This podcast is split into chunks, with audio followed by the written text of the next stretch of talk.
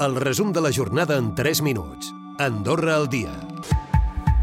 El Centre Nacional d'Emergència serà una realitat al llarg d'aquesta legislatura. A principis de l'any vinent s'encarregarà un estudi per determinar com ha de ser. Un cop entri en funcionament la infraestructura, vindrà també de la mà d'un número centralitzat. El 112 i la resta d'extensions, la de la policia, bombers i el SUM, anirien desapareixent progressivament. Així ho explica el director general de Protecció Civil, Cristian Pons. Ens ha de permetre doncs, analitzar el model actual que tenim del nostre sistema d'emergències, identificar quines necessitats tenim i identificar també les, eh, les opcions que tenim al, al, al mercat per tirar endavant aquest, aquest futur centre d'emergències i el fons de reserva de jubilació torna a baixar aquest octubre i perd 7 milions d'euros. Això s'explica per les caigudes en la renda variable, sobretot en el sector tecnològic. Per altra banda, la renda fixa en euros ha tancat el mes en positiu amb un augment del 0,40%. Per altra banda, també baixen les matriculacions de vehicles en un 15% en comparació amb l'octubre de l'any passat. Hi ha hagut un descens del 19% de motocicletes i ciclomotors i un 14% de turismes. Les de camions i camionetes s'han mantingut.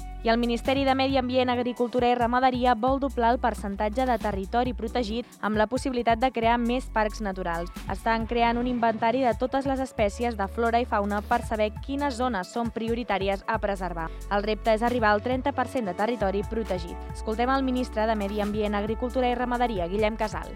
Estem eh, inventariant el conjunt eh, del territori del país. És una feina que porta molt temps fent-se eh, pel que fa doncs, la fauna que hi tenim, la protegida i l'ampli d'extinció, també eh, la flora, detectant aquelles zones humides de més interès, les zones eh, que tenen una riquesa paisatgística o geològica i en funció de tot aquest conjunt de dades anant-les sobreposant unes a les altres i poder determinar quin és el, el territori que pot tindre un valor eh, més important que la resta i que hem, i que hem de protegir. No? A Ordino, la mostra gastronòmica ha tancat amb 300 entrades venudes i 18 restauradors.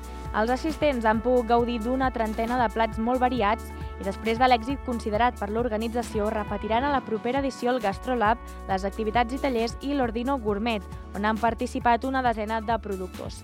Escoltem ara l'organitzador de la mostra i l'Ordino Gourmet, Toni Cromines. L'any que ve repetirem la secció i, i amb altres cuiners, perquè l'interès és que doncs, aquests nous cuiners emergents del país es donguin a conèixer en aquest tipus de, de mostres gastronòmiques.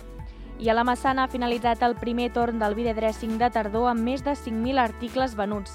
La gran quantitat d'inscripcions ha obligat a celebrar un segon cap de setmana on hi haurà 70 noves parades. Així ho explica el conseller de Turisme, Comerç i Dinamització, Josep Maria Garrellà. La veritat és que n'estem encantadíssims. Un beat dressing és una aposta d'aquestes segures que sabem que funciona, és un producte que la gent busca, que la gent espera i la veritat és que amb ganes de veure d'aquí 15 dies com reaccionarà la gent al fet de tornar-hi d'aquí 15 dies, però estic convençudíssim que hi tornaran perquè ens ho demanen.